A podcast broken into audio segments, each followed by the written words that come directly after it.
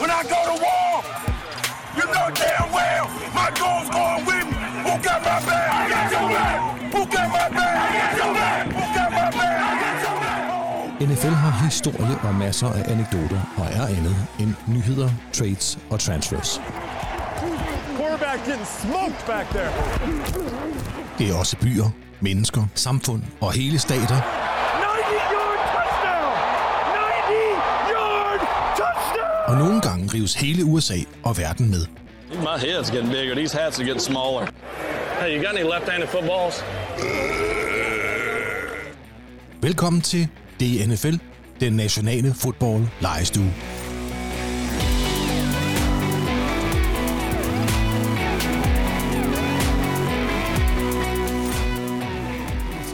forløst brillestedet. Nej, jeg må bare tage mig sammen og lade være med at smide mine briller væk.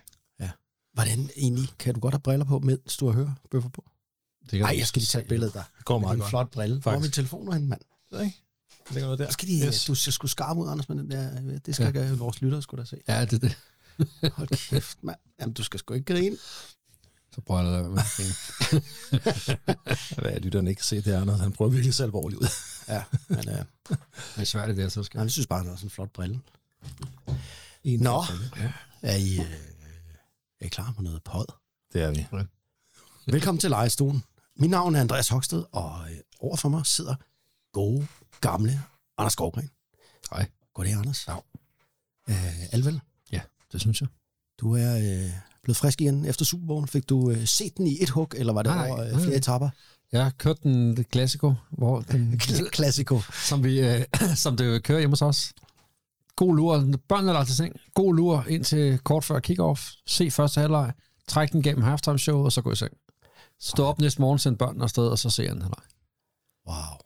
Hvad med dig? Hvordan gjorde du det? To- Jeg, jeg tog... Du øh, kørte igennem. Ja, ja. Jeg var, vi var på folk samlet, og øh, gode gamle Lars Kidmose, og så øh, spiste vi en masse øh, gris og øh, alt muligt andet. Så stak han i en flad, hver gang han faldt i søvn. Nej, øh, det gjorde han ikke. Det var han for dårlig til. Men øh, der var ikke nogen falde i søvn. Vi ser jo fodbold. Det var en spændende kamp. Det kommer vi ind Det på det. senere. Det var en spændende kamp. Men inden vi skal snakke om den kamp, så skal vi også sige øh, howdy til øh, Ulrik Howdy. Jørgensen. Goddag. God gamle Ulrik Jørgensen. Er Jeg det vel? jeg er fandme heller ikke. Ah, du er den ældste her, ja. Det er rigtigt. Det er du. også rigtigt. Og faktisk alders præsident. Ja. Så har du også prøvet at være præsident for noget. Ja. Øhm, og så, øhm, så er det gode gamle Ronny Boom Boom Larsen. Han er også. Og han roder rundt under bordet, og jeg ved ikke, hvad han laver dernede. Nej, Har det lyder virkelig mærkeligt. Det, Jamen, det, øhm, jeg tror, det er noget med nogle kabler og noget, og det er ja. faktisk lidt irriterende. Jeg synes, det er lidt mærkeligt. Men øhm, det er det også. I ved ikke, hvad han laver dernede? Jeg vil ikke vide det. Nej, men øh, hvis har der er noget, der, han binder sikkert vores snørebånd sammen. Det er en klassiker. Det kan være. Det Jo, man er jo ikke en dreng på tre. vel? Er Ronny? Mentalt er han måske Nogle gange kan man godt blive lidt i tvivl, 12-14 år, ikke? Men øh, det der er i det, det er, at øh, de skal jo spille jo, og lyden skal spille, og jeg kan se, at han har øh, Ronny og sørget for øh, lækre hazelnut cream and chocolate biscuits, og øh, du har allerede været i, Ulrik. De smager over det. Øh, du har faktisk allerede høvlet halv den pakke. Ah, Ja, det passer i hvert fald ikke. okay. Nå, Men næsten. Lad os komme til fodbolddelen her yes. Yes. i lejestuen. Øhm, lad os da kaste os ud i den der Super Bowl. Årets sidste kamp. Hvad, øh, Ulrik? Hvad Ja. synes du om den? Så en rigtig god kamp. Ja. Det er længe siden, jeg har set så god en Super Bowl kamp. øh, Med to, så to så jævnbyrdige hold, hvor jeg sad med en følelse bagefter, at uanset om det var Eagles eller Chiefs, der vandt, så havde de fortjent det. Og hvad med... Ah, du kan se, Andersen tog lidt at drikke. Han tog sin kaffe, så skulle de... Ja. Er du klar? Ja, ja, ja. ja. Jeg Nå, troede, jeg jeg var gammel længere. Ja, Ja, det par var laver vi i to, så jeg tænkte, det kunne jeg godt lige noget. Palaver. Det er et godt ord. Øhm, hvad med dig? Jeg synes, det var en god kamp. Ja. Det må man, det, det, altså, jeg er helt enig med Ulrik. Det, det er bare sådan en, hvor man tænkte, ja, det, er- hvem, hvem der end vinder, så er det sådan set øh, fair nok, fordi begge hold har jo spillet fantastisk godt. Altså. Og hvem der end tabte, måtte virkelig føle sig altså være skuffet over det, fordi ja. begge hold leverede jo en super præstation. Ja. Og det var jo Chiefs, der vandt, og øh, de vandt jo øh, med... Hvad, vandt de med? Tre point. Øh, Ja, et fuld field goal. 8, minutter, 8 sekunder før tid, ikke? Ja, og en masse scorede point. En af de mest scorede, ikke den mest scorede, men scorerne, men en af dem med flest point i, ja. Ja. i øh, lang tid. Ja, jeg følte mig også øh, svært øh, og godt øh, underholdt. Og øh, hvad sagde konen til Rihanna? Gravide Rihanna. Der stod det jo op i luften og svævede. Øh, hun var ikke imponeret. Nej. Hun, synes faktisk, det, hun synes, det var lidt tamt. Ja, okay. Ja, hun, hendes bud var faktisk på, at det hele var playback. Der er ikke et eneste tidspunkt, hvor hun taler i den der mikrofon. Nej. Og meget af musikken var helt sikkert playback. Det kunne man godt høre. Ja. Jeg er sikkert øh, helt i tvivl om, de havde tændt den der mikrofon, hun stod med. Eller det Ja. hele bare var Og hun lagde jo heller ikke skjul på det, altså, for der var flere gange, hun bare lagde virkede det som mikrofonen, og Ja, så ikke? kørte sangen bare derud af. Det ja. Snakkede vi også om, der hvor jeg var. Ja. Men altså vildt nok alligevel det show, man kan lave, ikke? Altså de der platforme, der svævede op i luften og sådan noget. Altså, det er jo ikke... Det var UFO'er. Var det, ja, så er det blevet skudt ned. Det er populært at skyde ting ned fra luften i øjeblikket. Ja. ja, ja, det var godt, det var en ballon. Ja. Som, altså, øh, ja, jeg synes bare, om man kan lide Rihanna eller ej, de kan altså bare noget med alle deres milliarder af kroner NFL. Altså, om du ser en OL-åbning, eller en, øh, ja, vi har jo lige set en World Cup, FIFA, fra, af det her, de kan godt glemme det. NFL, de kan bare det shit der med show. Og man så kan lide musikken, det er så det. Jeg synes, det er imponerende, at man kan sætte alt det der op på, øh, hvad, fem minutter? Og så er man bare i gang med verdens største show. Det er en pit-crew-koordination af proportioner. Lad os vende os til kampen igen. Hvorfor vandt Chiefs? Hvad lykkedes for dem, Anders? Fordi banen var sløj. Hvad, er det, det er simpelthen... Øh, Nej, Analysen? Det, ja, det er i hvert fald en del af det. Og det var mere til fordel for dem end Ja, det tror jeg. Eagles? Det tror jeg. Det må du forklare. Øh, jamen, vi havde jo op til talt om det her frygtede Eagles pass rush. Og de laver jo 0-6 øh, på øh, Mahomes. og der er i hvert fald en, en, en lang række af de tilfælde, hvor de kommer med et speed rush på ydersiden, hvor de simpelthen falder. Altså, når de skal det der bente corner, som man taler om, altså løbe rundt om tacklen og komme rundt om en, de glider jo. Altså, i, i de positioner, man stiller sin krop i for at kunne komme så hurtigt ind til quarterbacken, der, der er der jo enorm stress på banen. Og der glider de jo øh, i et væk. Øh, det, det, det var mere til ulempe for Eagles, end det var det for Chiefs. Altså man kan sige, øh, historisk set, eller hvis man... Ja, nu har vi jo selv Men spillet også. imponerende, Altså, at de kunne have så dårlig en bane. Ja, altså jeg, er ikke, jeg, jeg, er jo, jeg har jo godt hørt det der, og set alle dem, der glider. Åh, det er øh, øh, sikke dog noget med den bane. Jeg synes, det er fedt. Altså, det er jo græs, så må man jo tage nogle længere knopper på og få styr på det equipment. Det er jo lige for alle. Og så, øh, ja, ja, selvfølgelig. alternativet? Det er alt det der turf, som de også tuder over, fordi det går ondt at lande på. Altså nu, øh, jeg synes, det er befriende, at de spiller, øh, de spiller på græs. Jeg synes, det er fint, de spiller på græs. Det undrer mig bare, at man ender med at have en bane, hvor, hvor, hvor det er så svært at få, få fodfæste på for mange af spillerne. De skiftede jo også støvler, gør de ikke det? Jo, altså, det så man jo. Og Tonsvis af støvler, der lå. Der Men øh, jeg vil jo give dig lidt ret der, at når det er øh, vådt vejr eller en glat bane, så er det altid til, altså hvis underlaget er vådt, til fordel for offense, der ved, hvor de skal hen.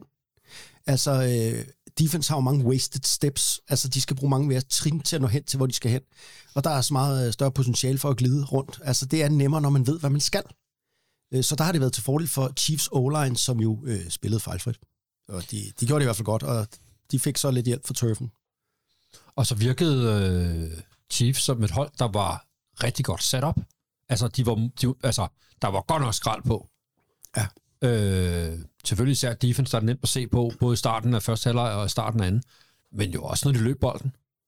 Altså, ham der Pacheco, Ja, ham, var er der, fart på. ham var der altså fart på, og ild i rumbetten på. Ja. Øh, så de var også, altså, de var, de var også tændt, ikke? Øh, Og så viste de jo erfaringen i anden halvleg. Eller, eller havde det ikke noget at sige? Altså det med, at man har været der før. Altså Eagles virkede som, de, de gik lidt trætte i det, og, og Andy Reid viste, at han var den mester, han nu er, med at kunne lave de rigtige justeringer, og man bevarede roen. Man var jo bagud, Chiefs. Og stille og roligt fik de arbejdet sig ind i det igen. Ja, jeg synes, det var en af de ting, der måske ikke er blevet snakket så meget om. Det var jo Eagles plan om at få så få drives ud af kampen som muligt. Altså, de ender med at få nogle delay of games i anden halvleg, men hele kampen igennem, der kørte de jo spilleuret ned til ganske få sekunder inden.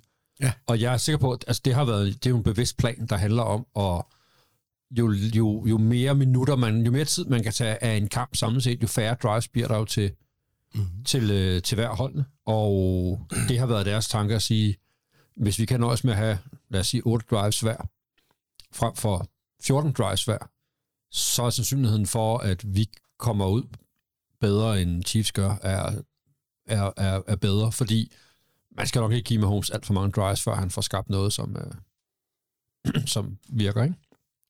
Nu sagde du så der med, at, at de har stået i, altså, Mahomes har jo stået i den situation før. Jeg synes jo, at øh, Hurts han lignede en rigtig gedigen, stabil, erfaren quarterback. Han, kører, han førte sit hold igennem det der, der var ikke så meget. Han laver en rigtig ned. Det koster med syv point Ja, det var rigtig med sin fumble, ikke? Jo, det var, det var rigtig, rigtig ned. Og det var også en, altså det var noget, der mindede om en game changer, kan man sige, mm.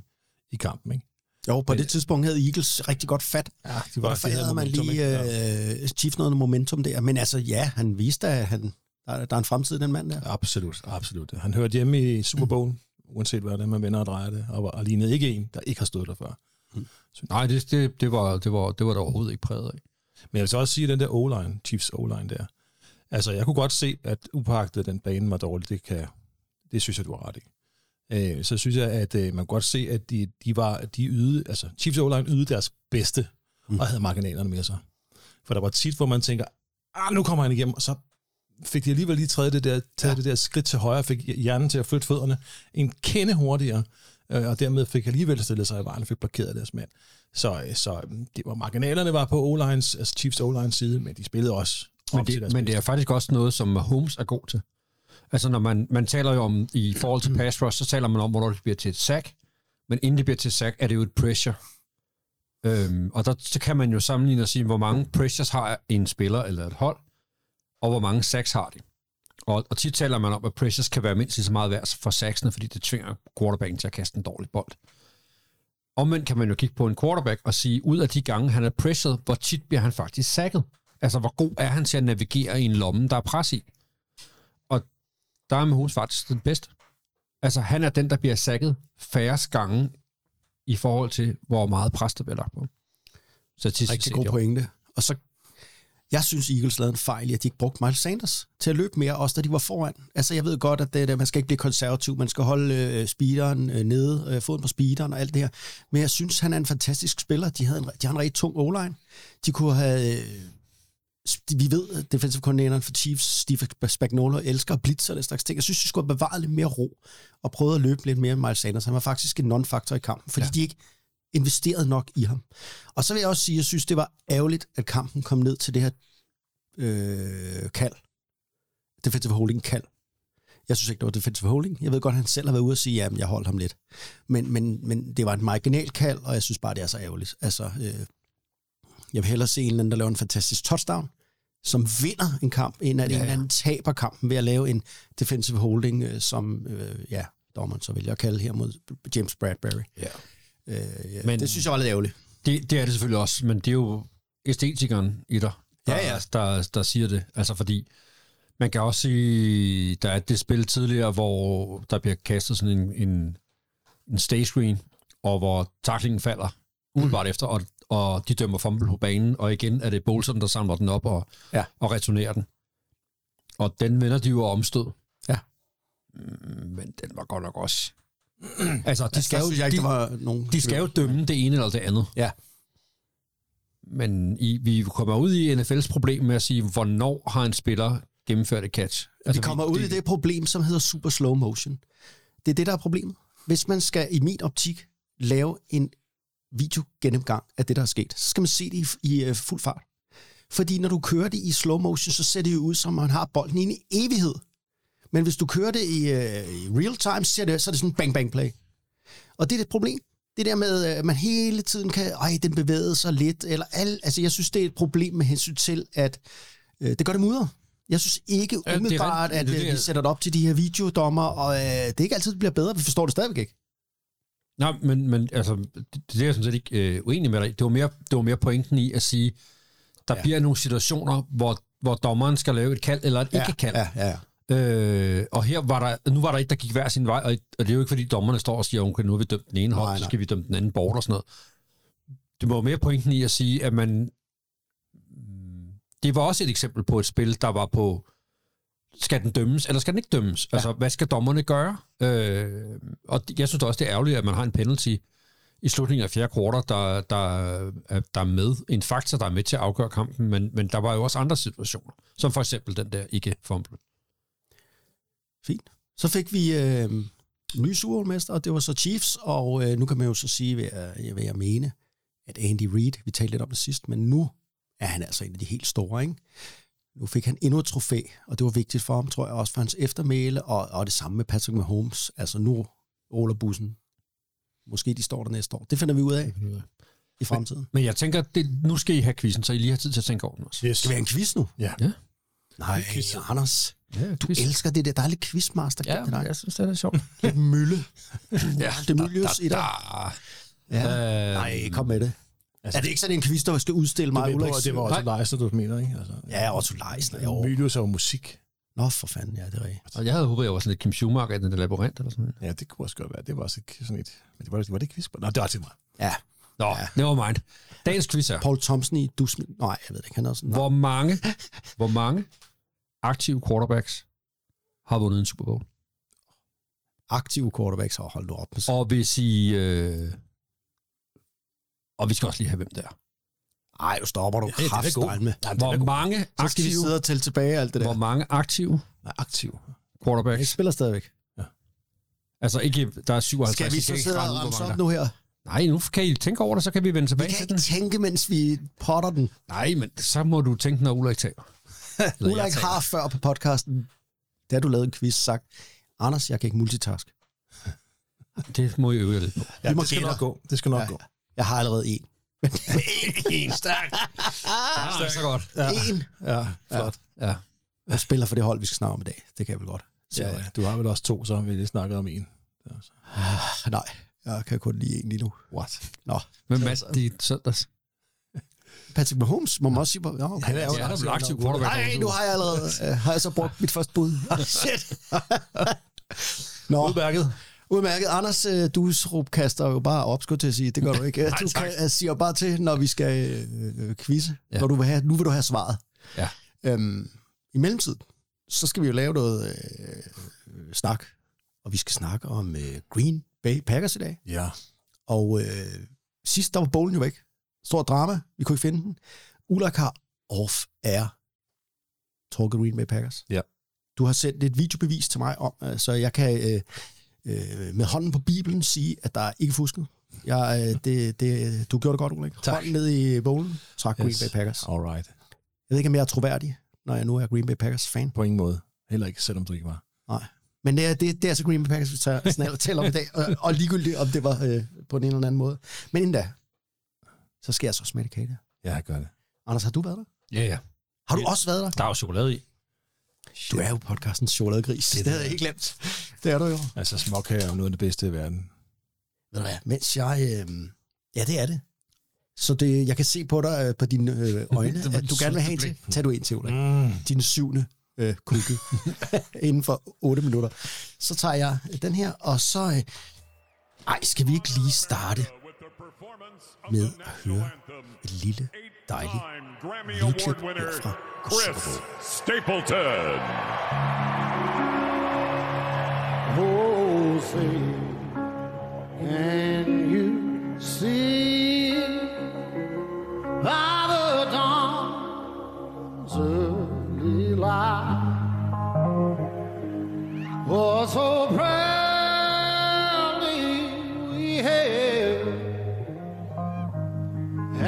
at the twilight's last gleaming.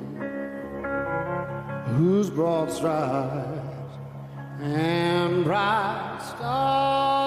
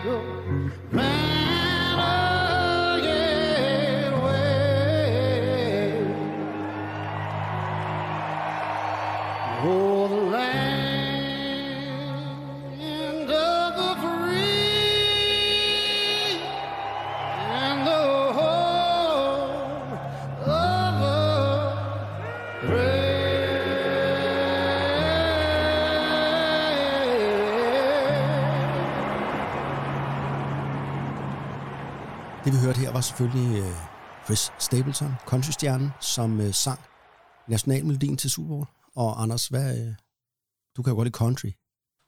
Det kan jeg jo også. Hvad sagde du til det? Det, var, det, det ved jeg sgu ikke, hvad jeg skal sige til. Det, jeg er ikke, uh, Chris Stapleton er ikke sådan min number one country guy, det vil jeg sige. Er du glad for ham? Jeg synes, det var den bedste nationalmelodi performance siden Whitney Houston i Super Bowl 25. Jeg synes, det var fantastisk. Og øh, ja, Godt være, jeg lige var ude og hente popcorn og en kold øl på det tidspunkt. Jeg tror sgu ikke, jeg hørte du ikke stod det. selvfølgelig med hatten af og hånden på Nej, hjertet. det gør jeg ikke. Jeg er ikke amerikansk statsborger, så jeg behøver ikke at stå med her på hjertet. Det er simpelthen så ringe, den indsats der, Anders. Du falder i søvn i first quarter, og så Nej, du på nej, toilettet nej, under nej. nationalmelodien. Nej, jeg var ude og hente øl og popcorn. Nå, okay, ja. Nej, jeg synes, det var fantastisk. Ja, Og Det kan øh, være, at jeg lige skal hjem og gense den så. ja, nu har du lige genhørt den, og øh, så må vi jo, ja, så må du hjem og gense den også. Øh, Han er jo lidt en fedtet type at se på. Ja, men det er rigtig... Ser du en fedtet type? Ja, Ja, han har sådan noget langt fedtet hår og stort fedtet skæg, var jeg ved at sige. ja, rigtig countrymand. Ikke sådan en... Der Fesen. er jo... Fesen lækker pind. Nå, Green Bay Packers. Packers. Nej, Nej, jeg kom lige tabt noget. Under nationalmelodien så jeg Nick Sirianni for Philadelphia Eagles, Ja. hvor han stod og tårne løb ned af hans, Ja. øje, altså hans ansigt. Ja. Det øh, kan noget, mand. Amerikanerne synes, det var fedt. Jeg kunne se på Twitter, det fik bare...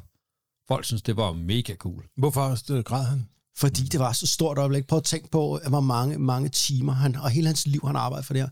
Og nu står han der og, og under nationalmelodien og kigger ud af sine øjne, og, og, så, og så løb tårerne bare ned og kender på ham, fordi nu havde han made it. Nu er han her. Det synes jeg, øh, øh, hvis man er, øh, også kan se noget forkert i det, så er man sgu for hård og for kritisk, vil jeg sige. Jeg synes, det var fantastisk. Det, Nej, jeg synes ikke, der er noget forkert i det. Jeg, det, ved ikke. det er fint nok. Ja. Mænd må gerne græde. Det må måtte lige sådan kronprinsen gjorde, ikke? Da han skulle giftes. Er det ikke der, det startede? Det der. det var der, det startede. Anders, du, er, almindelige grader også. Ja, Anders, du øh, fremstår som en, øh, en meget gammel stenstøtte lige nu. Men, øh, det var ikke det. Ja, det må han da gerne. Ja. Ja. ej, jeg synes, det er fedt, at man har følelserne med i det, man laver. Ja, og, ja. øh, det, er- det, er, det, jeg ved godt, du er iskold og øh, uden empati, men, men også andre, der må jeg skulle sige, der øh, rejste øh, hårdt så skulle på armene. Man kunne se, at det der, det betød sgu noget for ham. Ja. Men, Men det er også selvfølgelig meget for noget. amerikansk, er det ikke det? Jo, Jo, det synes jeg nemlig også, det er. Og jeg tænkte, Nationalmelodi og en, der tuder, og så Ja. og og det- heldigvis var det ikke nordjysk. Nej, hvor, det, øh, Men jeg synes, det er, ja, men i upagt, jeg synes, det er fedt, at han, øh, at han er så rørt over at nået det der. Det kan jeg godt lide, at han opnået sit mål og sådan noget, men ja, men, ja, det, er svært, Ja. det er svært ikke at være fordomsfuld. Ja. Eller for nu at lyde Ja, som en ja. gammel sur mand, så tænker jeg faktisk lidt, jeg tænker lidt, okay, er han så meget ude af fatning? Altså, han skal, han skal kalde sit livs vigtigste kamp lige om et øjeblik. Kan han snappe tilbage og have fokus? Altså, det, det, det kunne jeg da godt være bekymret for at sige, okay, du står her for første gang, og du kan slet ikke, du har ikke styret din egen følelse. Til du Jeg er klar ikke til Jeg synes- så hård, Anders. Det, Ja, jeg synes virkelig også, du er et barske gut. Ja, det kan jeg godt høre, jeg synes, jeg er helt øh, ved siden af, men Jeg det, det, var det, jeg tænkte, jeg det. Ja, det, der, det er jo fedt her i lejestuen. Vi må jo gerne være uenige, bare jeg får ret til sidst. Ja. Og øh, nej, men altså, øh, nå, jeg synes, det var fedt, og øh, Anders, du synes, det var latterligt, og Ulrik, du sidder der og... Nej, jeg synes ikke, det var latterligt. Jeg, jeg, Vi lyder som gamle ægtepar. Skal vi, øh, skal vi lade den hænge der? Ja, vi behøver jo ikke at være enige, og øh, vi skal snakke om, øh, vi snakker om Green Bay Packers i dag. Og øh, Anders, øh, du skal lægge ud, Ja. fordi du skal øh, fortælle os lidt om, øh, hvad er Green Bay for en størrelse? det, er en, det er en lille størrelse. Det er en lille størrelse, og, øh, og så kommer jeg til bagefter og fortæller lidt om Green Bays lange, succesfulde historie.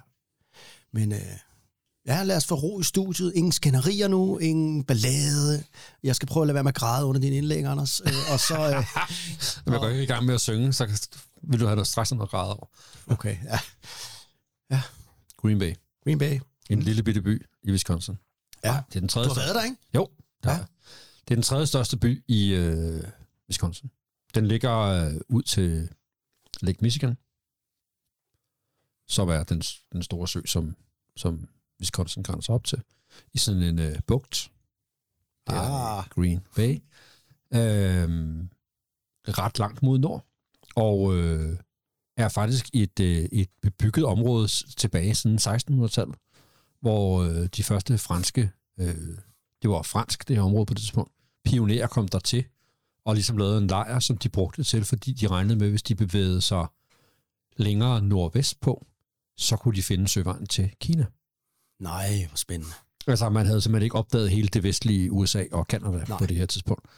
Øh, og den lokale stamme, man mødte, der var deroppe nordpå, oversat til engelsk, så hed deres øh, stamme People of the Sea, Mm-hmm. som man troede, de måtte jo have noget mand, så det var People of the Sea. Ja. Altså et ocean, og man kunne komme den vej til. Men der tog de fejl. Der så de fejl. Det kunne man ikke. Det var man kunne bare- komme til Kanada. Det var bare en sø. Ja, og så blev det bare mere og mere koldt. Ja. Øhm, det var en fransk øh, udpost i en årrække. Så var der jo den fransk-britiske krig, hvor, mm. hvor, øh, hvor britterne overtager øh, midt, det her midtvestområde. Og der skete ikke ret meget i, i Green Bay, før man får lavet Erie-kanalen, som går fra New England-området og over til Lake Michigan, hvor man så faktisk kunne, kunne sejle igennem. Og så kom der, en, kom der mange flere mennesker til området omkring øh, Lake Michigan og, og befolket øh, område. Øh, I dag er det er jo, det er jo landbrugsområde. Altså, når de sælger sig selv, så er det jo det er jo the cheese state. Det, man kender, alle dem, der kender Packers fan, er jo det her med cheese heads. altså man kan have den her ost på hovedet. Har du sådan en, Andreas? Jeg har ikke en... Øh, men jeg kan godt gå hjem og tage en ost oven på hovedet, men det er ikke den øh, rigtige øh, lavet af skum. Så, skal det være, så bliver det en reost. Det er Kidmosen, der har sådan en. en. det er ham, der har sådan Ja, en. Der var en eller anden, der havde en, ikke? Ja, de bliver Øh, kaldt cheeseheads, ja, ja. har de der... Og det er jo sådan the dairy state, altså det er øh, øh, ja, landbrug. Og hvis man gerne vil besøge området, så er det enten for at se fodbold, eller gå på jagt eller fiskeri. Det er ligesom det, lokalområdet har at byde på. Ja. Men Green Bay er jo- er jo en lille bitte by. Det er den mindste NFL-by i by far. Altså, der bor ikke meget mere end 100.000 mennesker i uh, Green Bay. Det er altså halvdelen af Aarhus. Det er sådan Odense. Ja. Svaret til Odense havde et uh, NFL-hold, ikke? Jo. Øhm, når man er i Wisconsin, er man ikke i tvivl om, at man er i, i uh, Packersland. Øh, da jeg var derovre, og det er snart, øh, det er vel noget, der ligner 10 år, eller 20 år siden, var jeg derovre med øh, underlandsholdet i amerikansk fodbold, og vi havde sådan nogle udviklingskampe, hvor vi mødte et college, nej, et high school hold, et sådan high school all-star hold øh, fra Wisconsin. Det var, det, det var lidt uden for Milwaukee, det Milwaukee-område, som vi så spillede mod.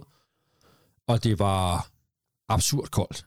Altså, det var i november måned, da sæson var slut, og det var, altså, det var sådan noget 10-12 frostgrader, når vi skulle, øh, når vi skulle spille. Øhm, og øh, ham, jeg boede hos, var... Vi boede privat indkvarteret. Det var deres overfaldskoordinator, tror jeg, han var. Defenskoordinator, jeg kan ikke huske det. Han hed Jack. Og på øh, hans kontor hjemme i huset, der var der signerede autografer sat i ramme af Brett Favre og af Bart Starr. Altså, de hang sin, altså det var sådan en, det var ikke en man cave, det var mere et, mere et kontor, Ja. men det var tydeligvis, at her var man Green Bay folk, og man havde season tickets, og det havde man haft i generationer. Det er jo stoltheden deroppe i den. Men vi er altså ikke... Altså, der er cirka tre timers kørsel fra, fra mm. Milwaukee øh, og op til Green Bay. Men altså, hele staten er jo... Det er Green Bay-land. Ja. Øh, altså Packers land. Når man kommer til byen Green Bay, er det jo en, ja, undskyld mig, uanselig midtvestby på de der 100.000 øh, indbyggere. Det, man bemærker, er, at der er rigtig mange gadenavne, der er opkaldt efter Packers football. Øh, Vince Lombardi Det er Avenue, vel og- byen, eller hvad? Ja, Altså, det er Det- ligesom, undskyld mig, Bilon. Øh, hvad var det uden Lego-agtigt? ja men, det, men det er det jo. Altså, i, man, har et, man har en by med ja, 100.000 indbyggere, og man har et stadion med plads til, hvad, 70.000, ikke? Ja, øhm, Det er vildt. øh, i, inde i stadion er, er der bygget Green Bay Packers Hall of Fame, som helt sikkert er et besøg værd, når man, når man er der. Altså der er ligesom Pro Football Hall of Fame, så har man også lavet Packers Hall of Fame. Det ligger inde i stadionbygningen. Øh, og er jo det kommer du ind på lige om lidt, Andreas, jo en, en meget, meget rig fodboldshistorie, der er her, Ja. som jo er udstillet øh, i det der Hall of Fame, så det er helt sikkert et, øh, et besøg værd. Og så er det et super flot stadion. Altså, Og så er det jo den hellige gral inden for NFL. Altså, Lambeau Field, det er noget helt specielt og mytisk. Det siger alle, og det hører man gentagende gange tv-kommentatorer også sige. Ja. Det er øh, også fordi, det er jo et stadion, der er helt tilbage for lang, lang tid siden. Så er de moderniseret på det. ja, Altså, altså, det altid ligger der. når man kommer der i dag, så fremstår det jo, altså det er glas og stål, ikke? så er det bare malet grønt og guld, eller gul, ikke?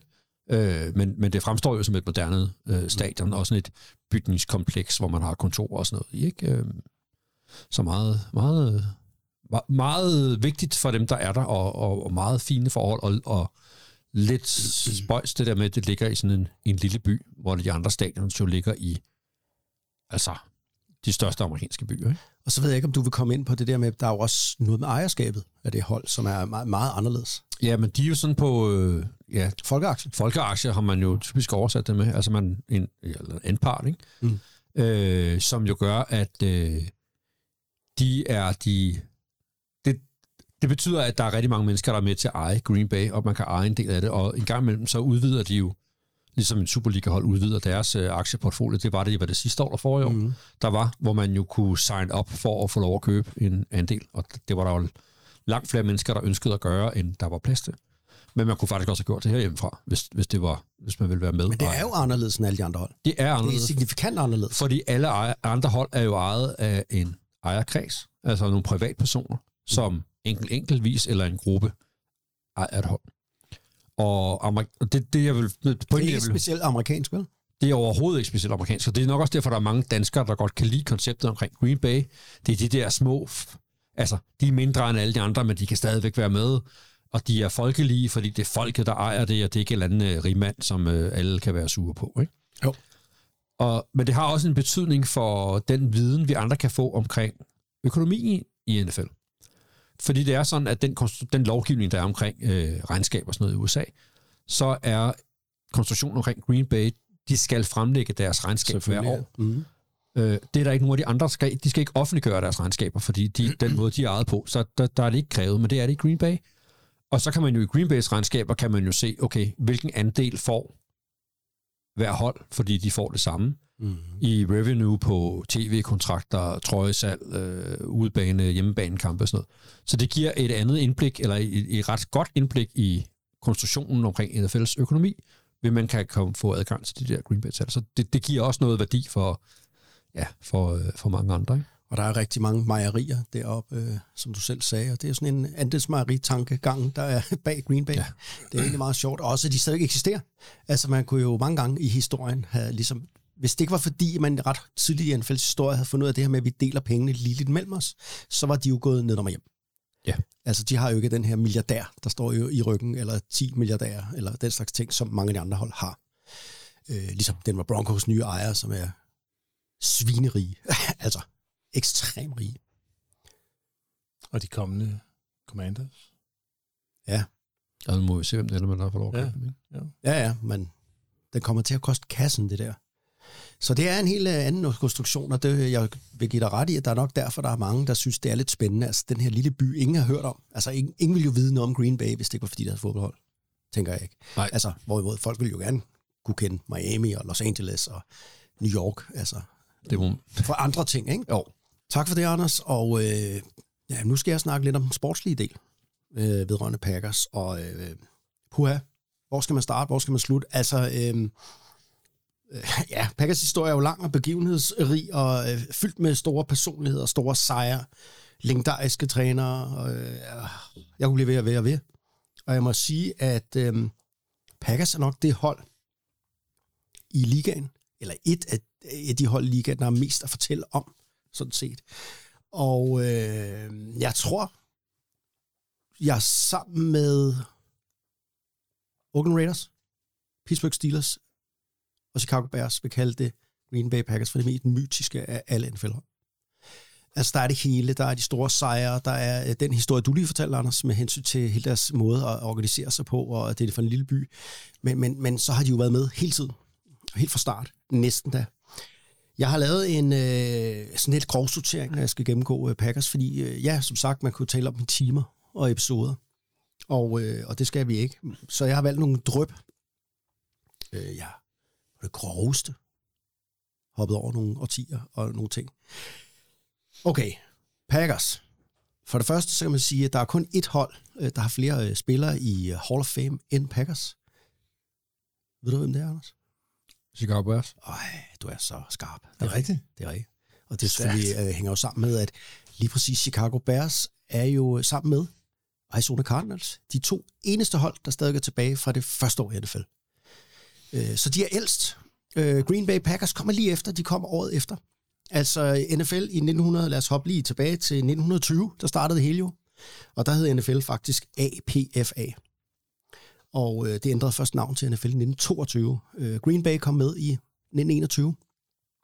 Og øh, så det er det tredje ældste hold i NFL, der stadig spiller. Og så, øh, ja, alle kender jo nok de mytiske trænernavne Curly Lambeau og Vince Lombardi. Curly Lambeau, som jo var øh, coach og general manager i Packers fra 1920 til 1949. Det var sejt, han var det 1920, når det først kom til 21. Det var fordi holdet ikke var klar til at spille for 21. Ah. Men man skulle lige... Det er jo ikke sådan, man... Så man havde hyret en træner, inden man havde... Nå, Ja, smart. lidt ligesom Ja, dengang du og Oaks, ikke? Helt det samme. Helt det samme. Fuldstændig. Ja. Også proportionerne, det er også det Først så samme. trænede man og spillede lidt, og så fik man lov at komme med i ligaen. Ja, det er også rigtigt. Ja, der troede jeg du kunne fange var- mig på det forkerte ben. Jeg troede, det var Kølle Lammer, du sammenligner mig med der, men okay. Det gjorde jeg Anders. Det er in your dreams. Nej, og, Ja, og alle det var kender hårdt jo... sagt, det der var. Hvad? Det var hårdt sagt, synes jeg, det der. Jamen altså, Anders er en legende på sin eget øh, niveau, men, men Curly Lamborg, nej, drop jer selv. Det er rigtigt. Han, Anders, du har ikke et, et, et stadion opkaldt efter dig. Det har du ikke. Ellers så synes jeg, det er det samme. Mm, ja, okay. Der er ikke noget... Ja, okay. Fair nok. Du er I er jo gamle venner og bakker hinanden op, og det er jo meget smukt. Øh, Jeg kan godt lide loyalitet. Øh, Ja, godt Ulrik. Godt over igen. Der er ikke noget skovgren field derude. Nej. Men der er jo et Lambeau Field. Og øh, det er jo selvfølgelig opkaldt efter Curly Lambeau, og det er jo det Packers stadion hedder den dag i dag. Som er et af de få stadions, der ikke har fået et eller andet latterligt corporate name. Så har vi jo, ja, jeg nævnte lige Vince Lombardi, som var træner for øh, Green Bay i 60'erne, og er jo kendt for Lombardi-trofæet, som er Super Bowl-trofæet. Det er jo opkaldt efter ham. Man kan sige, at Packers, de øh, allerede der under Lambeau fik skabt en vinderkultur, og øh, ja, Lombardi, han fulgte op på det. Vandt de to første Super Bowls jo. Det var jo Green Bay, der øh, hæv øh, pokalen hjem der.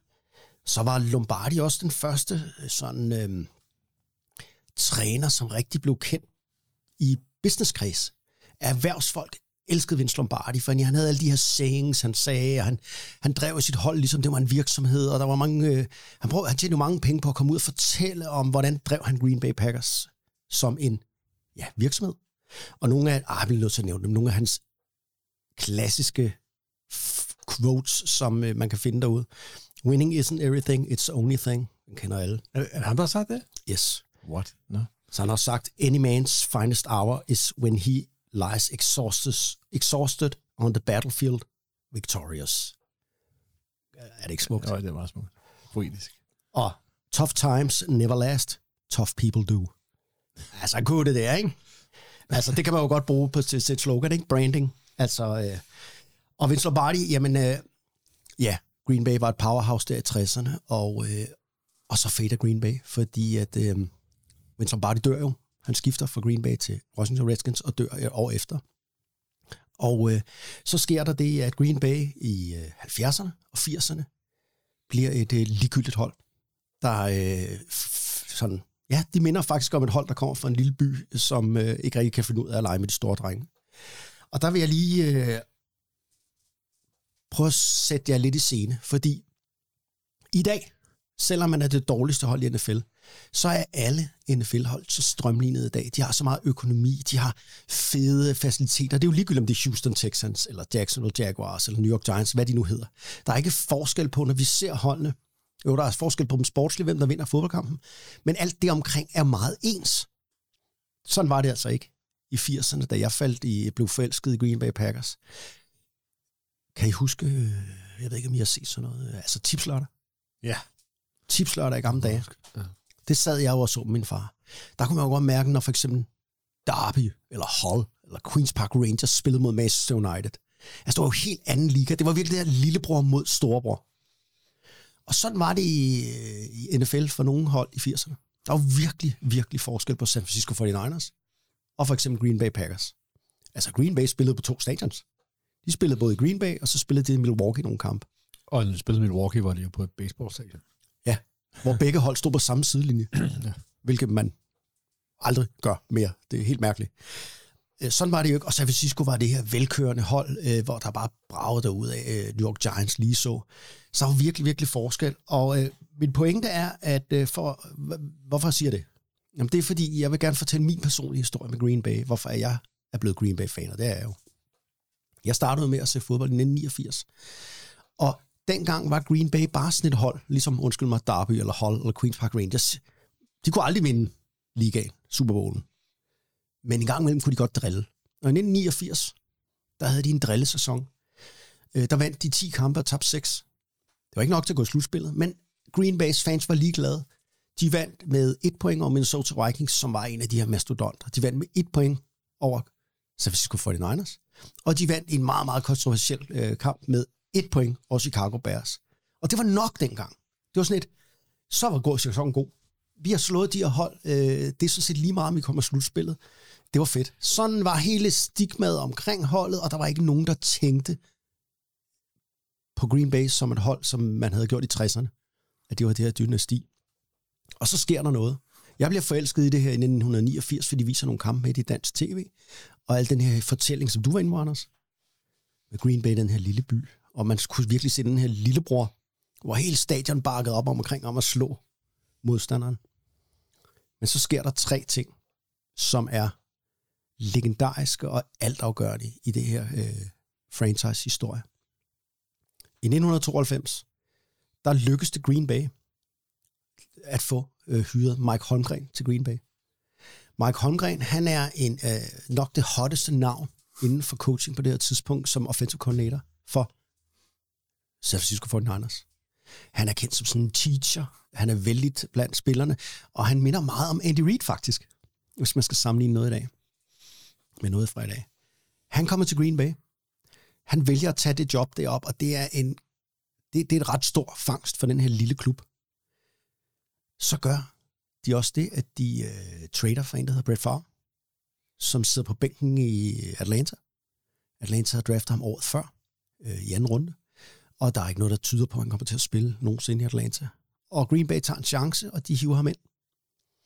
Og øh, nogle gange, så skal der jo ske, ligesom den historie, Ulrik, du fortalte os om for et par gange siden med Tom Brady. Han kom ind, på grund af ham, der var foran ham, blev skadet. Bledsoe. Yes. Det sker her i 92. Don Makowski, The Magic Man. the magic man, er quarterback i Green Bay. Han kommer til skade, og ind sætter man vildbassen Brett Favre. And the rest is history. Fra 1992 her, og så til i dag, der har Green Bay Packers været relevant. Jeg husker den der kamp, hvor han bliver skiftet ind i, som en af dem, der blev vist. Altså dengang, der var der jo kun én kamp om ugen, og den var også typisk vel klippet sammen. Det var mod Cincinnati Bengals i u 3 92, hvor uh, Brett Favre i hans allerførste altså sådan en rigtig kamp, hvor han kom ind, i hvert fald på hjemmebane. Han spiller faktisk ugen før lidt. For der har Don Makowski ikke spillet så godt, så der har man sat uh, Brett Favre ind i anden halvleg. Men her, der kommer han jo ind, og alle ved, at nu er det ham, der skal spille, fordi Don Makowski kommer alvorligt til skade. Og han laver det her legendariske 92-yard touchdown drive øh, med meget, meget kort tid på uret igen. Og ja, ugens kamp i NFL. Og ved du hvad, jeg kan, jeg kan huske, da jeg så det der, ikke? der vidste jeg, jeg vidste, at Messias var landet. Man kunne bare, man, det vidste jeg. det, det, det, det, han kom ned fra himlen. Man, man vidste bare, det, hvad ske, man kunne bare mærke det. Og hele det der stadion kunne mærke det.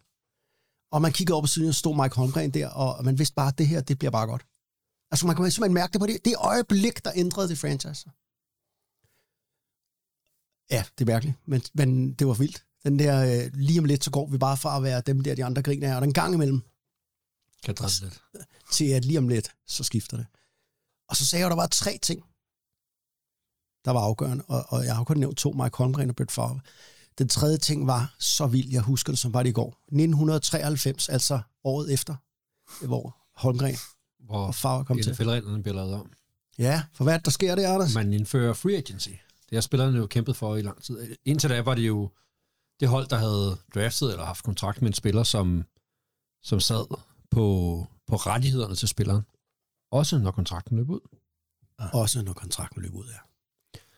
Øhm, Så de var stavsbundne. man, var, man, var, man var stavsbundet af den øh, klub, der havde draftet en, eller havde kontrakt med en. Og den fik de jo så ændret der i 93, hvor man indførte free agency, som betød, at når ens kontrakt løb ud, så kunne man skrive kontrakt med det, man gerne ville. Som Og i, spiller. og i 1993, der er der en spiller, som øh, vi skal huske her. Vi er inden internettet. Vi er inden, at alle kampe bliver jo ikke sendt på alle mulige former for streaming services og på alle mulige... Altså man kan se det hold, der er ens område, hvis der altså øh, kommer nok folk på tilskuerpladserne, for hvis der ikke er udsolgt til kampene, bliver der jo det, der hedder en blackout. Så kan man ikke se kampen i sin hjemby. Sådan har øh, havde NFL i mange, mange år en politik. De har det stadigvæk. Der har de stadigvæk. Det er okay. stadig. Du kan, hvis du er i en by, hvor der ikke er solgt, udsolgt på stadion, eller tæt på udsolgt, så er der lukket for tv-signalet til den kamp i den, øh, det område. Det er for at tvinge, eller ikke tvinge, for at få lukket folk på stadion, yes. så de ikke sidder og tvinge, tvinge. Men, men det vil sige, at øh, der, øh, altså, der er jo mange spillere i NFL, men så er der nogle få spillere, som alle kender. For dem har de jo, øh, og der var Reggie White, defensive enden for Philadelphia Eagles, en alle kendte. Der var masser af spillere, der blev free agency det her år, som folk aldrig har hørt om, fordi jeg ikke set dem, fordi jeg har ikke været på national tv. Men Reggie White var den bedste defensive lineman, lineman nogensinde. Han valgte at tage til Green Bay. Det var fuldstændig uhørt. Hele ligaen ville gerne have ham, og han kunne jo spille for alle mulige tophold, men han valgte Green Bay. Og det betød, ja, udover at det her med Holmgren og Favre, så betød det bare, det var for sindssygt. Altså, det var lidt ligesom, hvis man prøver at forestille sig, at dag er Aaron Donald for Rams, han skifter hold, og så vælger, så får han et tilbud for Bills, der kan gå i Super Bowl. Han får et tilbud for Kansas City Chiefs, men han vælger at tage Houston Texans. Som var det dårligste hold i år. Mm. Det var det, der han gjorde. Og øh, det betød alt, fordi det gjorde lige pludselig, at folk, Green Bay blev et legitimt sted at tage hen. Hvis han vil derop, så er det fordi, han kan se, der er potentiale, det de har gang i projektet under Mike Holmgren. Og så gik det stærkt. Men det er jo ikke rigtigt. Han kunne jo ikke se det. Det var Gud, der sagde til ham, at han skulle sætte Åh oh, ja, yeah, the minister of defense. ja. Skal du fortælle en historie? Hvis du kan, eller... Jamen, uh, en pointen, er, pointen er, at han var jo han var jo meget, meget, meget religiøs mand. Og jeg siger bare, det er, fordi han er gået bort. Ja.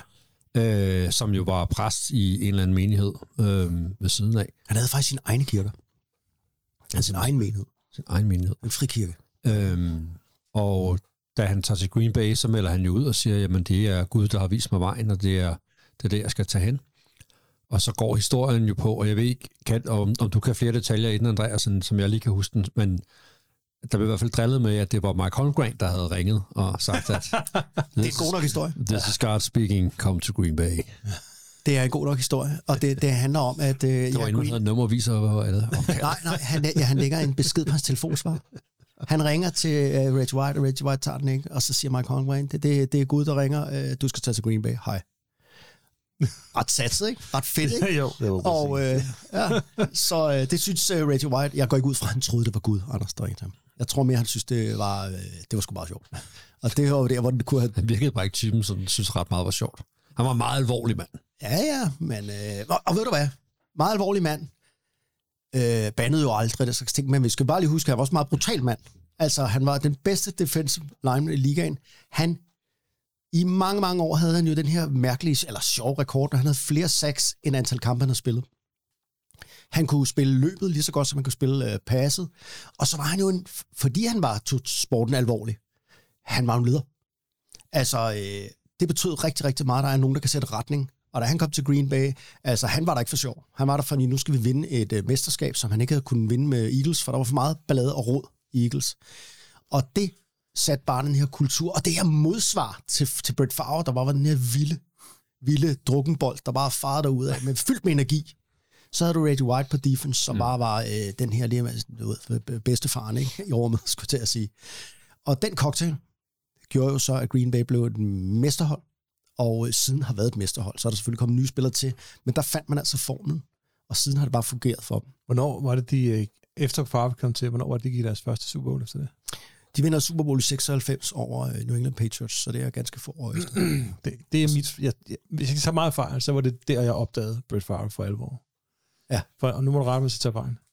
var det ikke der, hvor han på nærmest opening play kaster, slynger bolden dybt og scorer touchdown? Jo, han kaster en meget, meget dyb en til Andre Rison, Ja. som også var kommet... Andre Rison, kæmpe stjerne. Han havde aldrig ville tage til Green Bay, tro mig, hvis det ikke var fordi.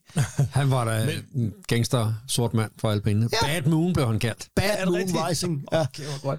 Men, øh, men, men der så jeg jo, altså, udover det var jo enormt kæmpe chance at tage, så blev han jo overstrømmende lykkelig, Brett Favre, Brett Favre Ja. og, og rakte armen ud til, til siden og løb receiverne i... i Han spillede med følelser, Anders. det må, Ja, det gjorde Han græd ikke, tror jeg ikke, af glæde. Men jeg, jeg kan bare huske, at jeg tænkte, okay, det, det er sådan der, man skal reagere. Ja. Man skal bruge hele sit apparat og til at spille amerikansk fodbold med. Det, det var mit Favre moment. Ja, men han var totalt, jeg synes også, han var totalt fed. Og også det der med, at, at han var jo en gunslinger, altså på, på, godt, og, på godt og ondt, ikke? Han, øh, det hedder hans bog også.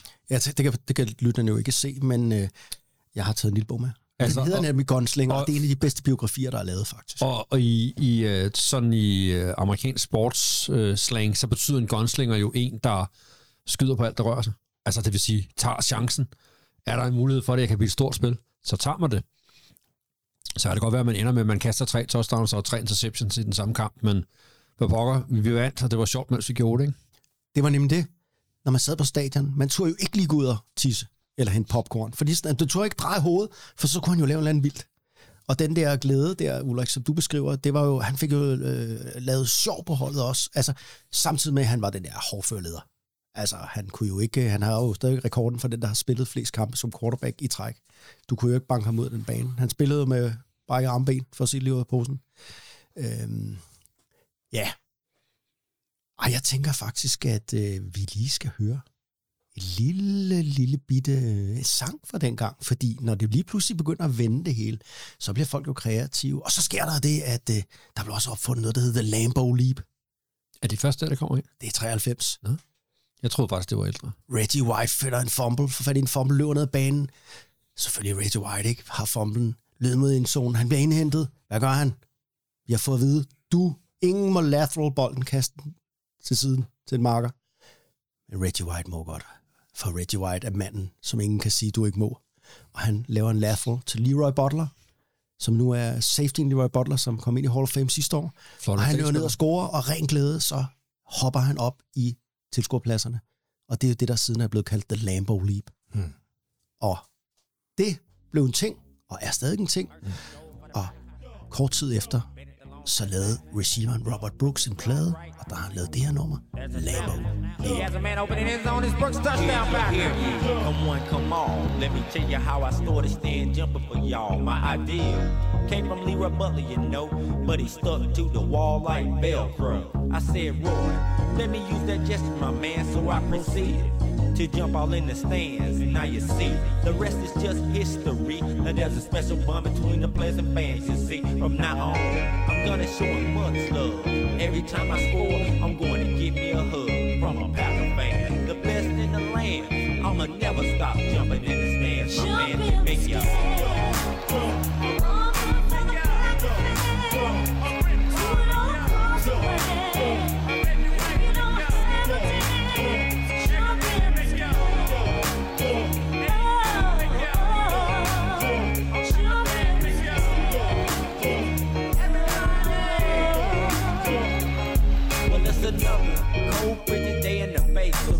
Up, boys. Let's get ready to play, but let's pray before we go out on the field with Reggie White, y'all. So everybody kneel down and let's give our props to God. Win or lose, fool, you know we're gonna play hard. Stand up, let's go out to Lambo. Where the temp outside's about 20 below. Get me young. It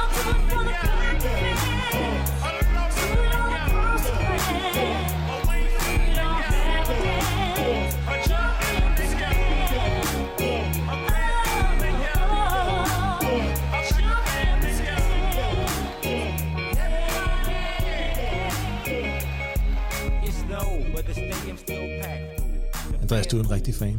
Du er en vaskeægte fuldblods Green Bay Packers fan. Det er, jeg elsker. Ja, det er med. Jamen, altså, man skal bare lige... Altså, jeg elsker amerikansk fodbold, det er slet ikke det. Og jeg, det er rigtigt, jeg føler Raiders. Altså, det, og, men jeg føler sgu også så meget andet. Ja, det skal min kone, det er ikke det. Men du føler alligevel også så meget af det. Du lød lidt sådan, Ulrik. Ej, det var godt. Ja, jo. Nå, men jeg synes bare, at det er bare, altså, in the presence of a real fan. Ja, nå, okay. The Lambo Leap. Så fik vi øh, også hørt lidt øh, øh, fodboldspillere, der, der synger. Øh, lad være med det, fodboldspillere. Øh, spil bare noget fodbold i stedet for. oh, Anders, jeg kom lige til noget. Du samlede dig selv med Kurt Lambo tidligere. Hvad med en sang? Hvad med en plade? Det her du vil, kan du vel også rumme? Har Kølle Lambo eller noget? Nej, men det her er Rob Brooks jo. Nå, ja. Men, Ja. Nå, men jeg tænkte bare... Nej. Og der er du alligevel ikke... Øh, nej, men Robert Brooks skal også holde sig fra det, som man tydeligt kunne høre her. Men øh, ja, okay. jeg er jo klar over, at det ikke er der, mine talenter ligger. Lad os slutte Green Bay. Fortællingen om Packers her. Altså, øh, i de sidste 30 år, fordi det er jo sådan plus minus, det der er gået, siden Brett Favre kom til, der har Green Bay været et farligt hold at møde. Og øh, jeg har lige lidt, øh, lidt tal på dem, fordi de har jo været et, et ja, mønsterfranchise og et powerhouse. I de sidste 30 år har man været 22 gange i slutspillet. Altså, det var jo slet ikke det, vi snakkede om før, da vi snakkede om Derby og Hall og Queen's Park Rangers. Det var jo sådan noget, altså der var man jo ikke i slutspillet i 70'erne og 80'erne, og det hele ramlede, og det er simpelthen så godt. Man har løftet to Super Bowl-trofæer. Nogle vil mene, det er for få. Øh, især fordi man har haft Brett Favre i rigtig mange år, og da han pensionerede sig selv, øh, der kom Aaron Rodgers jo til. Og Aaron Rodgers har jo været der i øh, 18 sæsoner. Og øh, ja, nu må vi se, hvad der sker med ham her i offseason. Men øh, Må jeg spørge med den der? Hvad tror du, der sker med Rodgers i offseason? jeg tror, at øh, Green Bay er klar til at spille Jordan Love og vende en, øh, øh, ja, et nyt kapitel. Øh, Hvad tænker du om, om Jordan Love? Jeg tror, han er klar, og jeg glæder mig til at se ham spille, og jeg øh, synes, at man skal skille sig af med Aaron Rodgers. Mm. Og øh, jeg kan godt se Aaron Rodgers i en Jets-uniform, eller en Raiders-uniform. Så lader han den gamle, ligesom far, for skifte til Jets. Ja. Når man er, bliver tvunget ud af Green Bay, så tager man til Jets. Det er, det er vejen. Det fra var, væk. det var en væk. Det er en tur til Jets. Ja. Og øh, nej, så, øh, men, men, og, og det vil så sige, så bliver det jo spændende at se, at man kan opretholde det her høje niveau. Man har jo været forkælet med to quarterbacks på 30 år. Ja, to Hall of Fame quarterbacks. Altså to af Yes. den nyere fodbold NFL's histories absolut største navn, ikke? Og, og jeg vil så sige, at øh, de er Hall of Fame quarterbacks. De har løftet et Lombardi-trofæ hver. Det har nok været lidt i underkanten. Jeg synes, det er lidt ærgerligt, at de ikke har vundet lidt mere. Altså man kan sige, Green Bay har jo faktisk øh, tabt øh, øh, NFC øh, Championship Game øh, inden for de sidste 30 år her øh, seks gange. Altså i 95, øh, 2007, 2014, 2016, 2019 og 2020. Så altså, øh, øh, tæt på, ikke? Det er også lidt hårdt at være Green Bay-fan nogle gange, når man er så tæt på, og så, øh, så det ikke lykkes. Så nej, vi kan ikke sige, at Green Bay Packers er helt deroppe i New England Patriots. Hvem kan man sige det om, ikke? Men, men lige under. Øhm, og øh, hvad, hvad, ja, jeg vil bare sige, at jeg, grunden til, at jeg elsker Green Bay så meget, det er selvfølgelig traditionerne, small town imaget, cheesehestene. Altså, og så er det det her, at Lambeau Field er pro footballs tempel. Øh, jeg synes bare, der er noget fedt ved det fodboldhold, og øh, ja, det er sjovt at snakke om dem end øh, Tennessee Titans, må jeg godt Nej, undskyld, Tennessee Titans fagstået. Øh, Så. Ja. Altså Michael Mortensen. Ja. Findes der andre Tennessee Titans fans i Danmark? Altså, vi kender linebackeren Mikkel Mogensen fra ja. Frederikshund Oaks ja, i øh, hengang tider. Ja. Ja. Jeg kender ikke andre danskere. Kender du nogle Titans fans? Jeg, kan, jeg vidste ikke engang, at Michael var... Du vidste ikke, at vores hold hed Titans? Jo, det, det vidste jeg trods alt godt. Men jeg, jeg troede ikke, der er nogen fans overhovedet i hele verden. Nej, det er det. Men, øh, Har de overhovedet det? Jeg 70 spørger og bare. en. Mikkel Mogensen. Det er så Michael, okay. Ja. Ja. Det var en hurtig gennemgang af Green Bay. Hvad siger så? Var det ikke meget godt gået af mig? Altså, Jo, det var jeg er imponeret over, at du kunne gøre det så hurtigt. Det var fedt, Andreas. Det må vi sige. Det, det, det har jeg sgu ikke set komme. Lige, lige, om- lige om lidt, så skal vi jo øhm, afrunde med hensyn til øh, NFL's 2022-sæson. Men inden da, er det, er det så quiz-tid, Anders? Hvornår er det? Eller er Kan det vi, ikke nu? skal, er I klar til quizzen? Overhovedet ikke. Jeg har overhovedet ikke tænkt over det. Skal vi lige tage den? Ja, spørg. Godt. Af aktive quarterbacks, hvor mange har så vundet en Super Bowl? Og hvem er det? Ja. Okay. Altså, hvor mange... Okay, hvis, ja, Du skal, komme, du skal starte med at gætte Du kan ikke noter. skal? Det må jeg da selv om. Ja, men, altså, der er ikke så mange. Nej. Fordi det, ham der Brady vandt jo dem alle sammen. Brady er ude. Ja. Så hvem vil jeg vil have lov at gætte først? Ulrik? Jamen, jeg, jeg, jeg, Vil du gætte først, eller vil du have Andreas gætte først? Andreas må gætte først. Ah, dit røvhul. Jeg er helt blank. Jeg, jeg, du slukker bare tal ud, for jeg har slet ikke tænkt over noget. Jeg siger, øhm, du sagde, der er aktive spillere. Aktiv quarterbacks. Jamen, der er seks, siger jeg. Du siger 6. Hvad siger du? Åh, oh, hvad siger jeg? Skal du over Du skal ikke sige seks også. Nej, du skal sige over eller under. Ja, men jeg, Jeg, får jeg flag. tror, at det er... Jeg tror, det er fem. Du tror, det er 5. Okay. Så kører vi en runde, hvor man øh, hver kan få lov at nævne en. Andreas, kom med en af dem, der har vundet. Nick Foles. Nick Foles. Ja. Ja, jeg kan se, du ser er meget stadig mærkelig ud. godt Har du glemt at tælle ham med, eller hvad? Og I dit uh, regnskab? Nej, nej, det er fint. Nå, det var bare det et mærkeligt godt. sted at starte. Det, Ja, ja, bare, det det var ikke det, jeg havde regnet med. joker. Nu giver du nogle af det nemme til uh, Ulrik. Ja. Ja, det var ham, der poppede op. Altså må jeg sige Patrick Mahomes, ikke? Patrick Mahomes. Ja. Sagde du, øh, jeg tror jeg allerede er lidt tør, fordi ja. man kender det, man går sådan panik. Så kan jeg sige Aaron Rodgers. Aaron Rodgers, ja. Ja, mm, det var tre. Så er der skriver noter, skriver ned. Nej, jeg skrev det til. Hvad fanden? Dit, uh... Så er du googler. Er det Ronny, der har, øh, under bordet har givet dig en liste? Fanden kunne det ellers være også. Øhm, Hvor mange er vi oppe på? nej, jeg tre. kan ikke huske, om. Goff har vundet en. Har han det? Ej, det er rigtigt.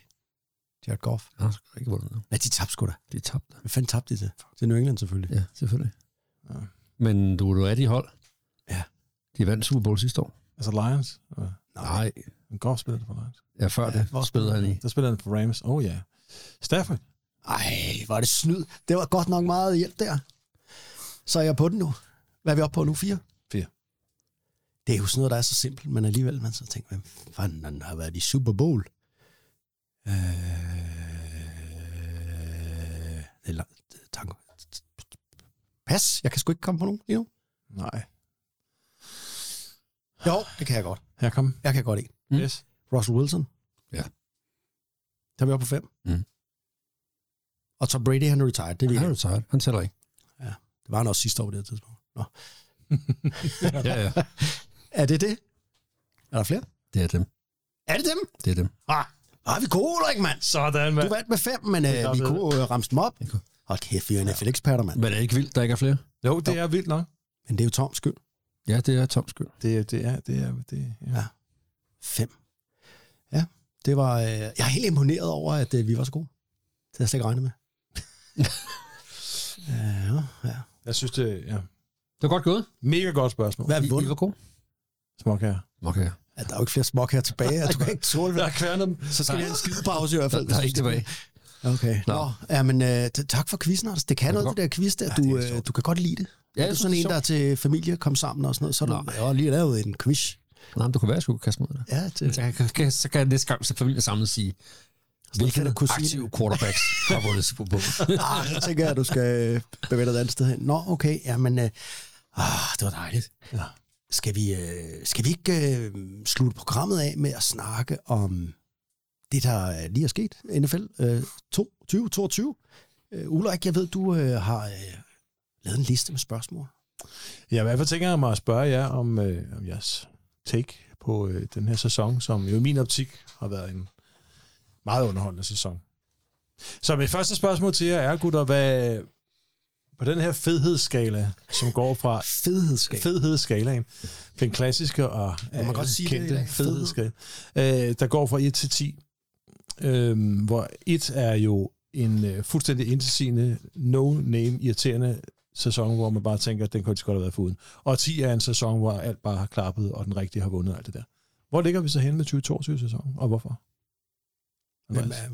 øh, ja. Ja, du starter. Jeg synes, øh, det er en solid femmer. Jeg øh, er.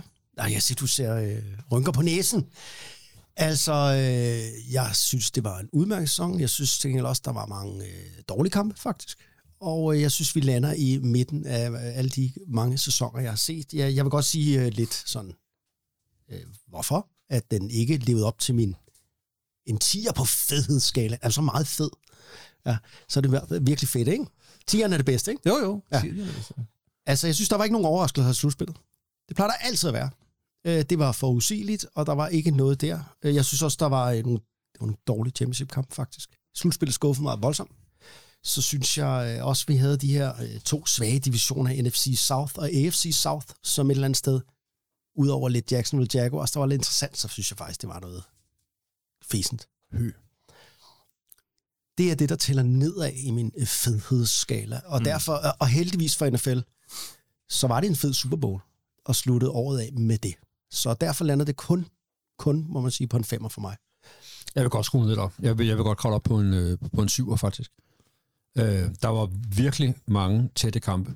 Øh, altså, jeg, jeg kan ikke lige tallene for, hvor mange der var i år, og i forhold til, hvor mange andre år. Det der med, der bliver afgjort inden for syv point, men der var, der var virkelig, virkelig mange kampe, der var tæt.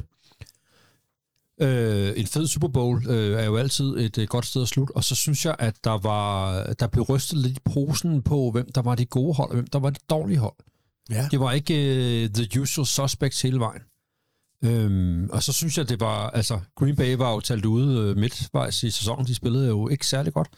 Og lidt snigende igen til sidst, og begyndte at blive farlige og sådan. Altså, ja. det var, øh, det, det synes jeg var, det var god øh, underholdning. Øh, mm. Og så synes jeg, at der var nogle, nogle hold, som har været virkelig dårlige i mange år, som, som blev bedre. Øh, Jaguars nævnte du, Giants, øh, mm-hmm. Detroit Lions øh, var fede at se lige pludselig. Øh, og så glæder det mig, at den der gruppe af unge, talentfulde quarterbacks bliver ved med at levere. Altså Mahomes, øh, Josh Allen, Joe Burrow. Øh, Herbert. Herbert også, ja. Ja, Herbert også. Øh, og Ja, men der har jo været det her Måske generationsskifte. også Trevor Lawrence øh, skal med på det der hold. Ikke? Selvfølgelig da, selvfølgelig da. Øh, det synes, jeg synes, det er, det er fedt med den der unge generation af, quarterbacks, der... Og generationsskiftet er sket nu. Altså, det er helt tydeligt. Tom Brady er væk, øh, Drew Brees er væk, øh, hvad hedder han? Aaron Rodgers. Nu må vi se. Men ja. altså, ikke?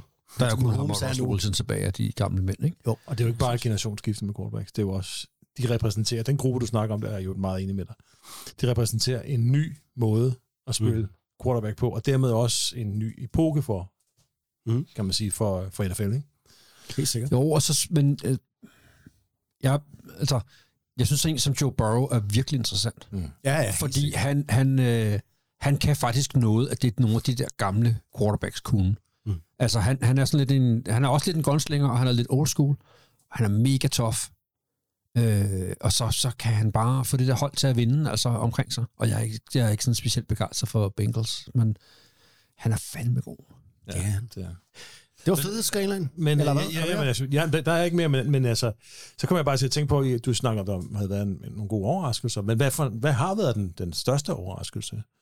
Jamen, Øhm. Hvis jeg skal starte der, så, så nævnte jeg lidt nogle af dem, men for mig, øh, så bliver det New York Giants. Ja.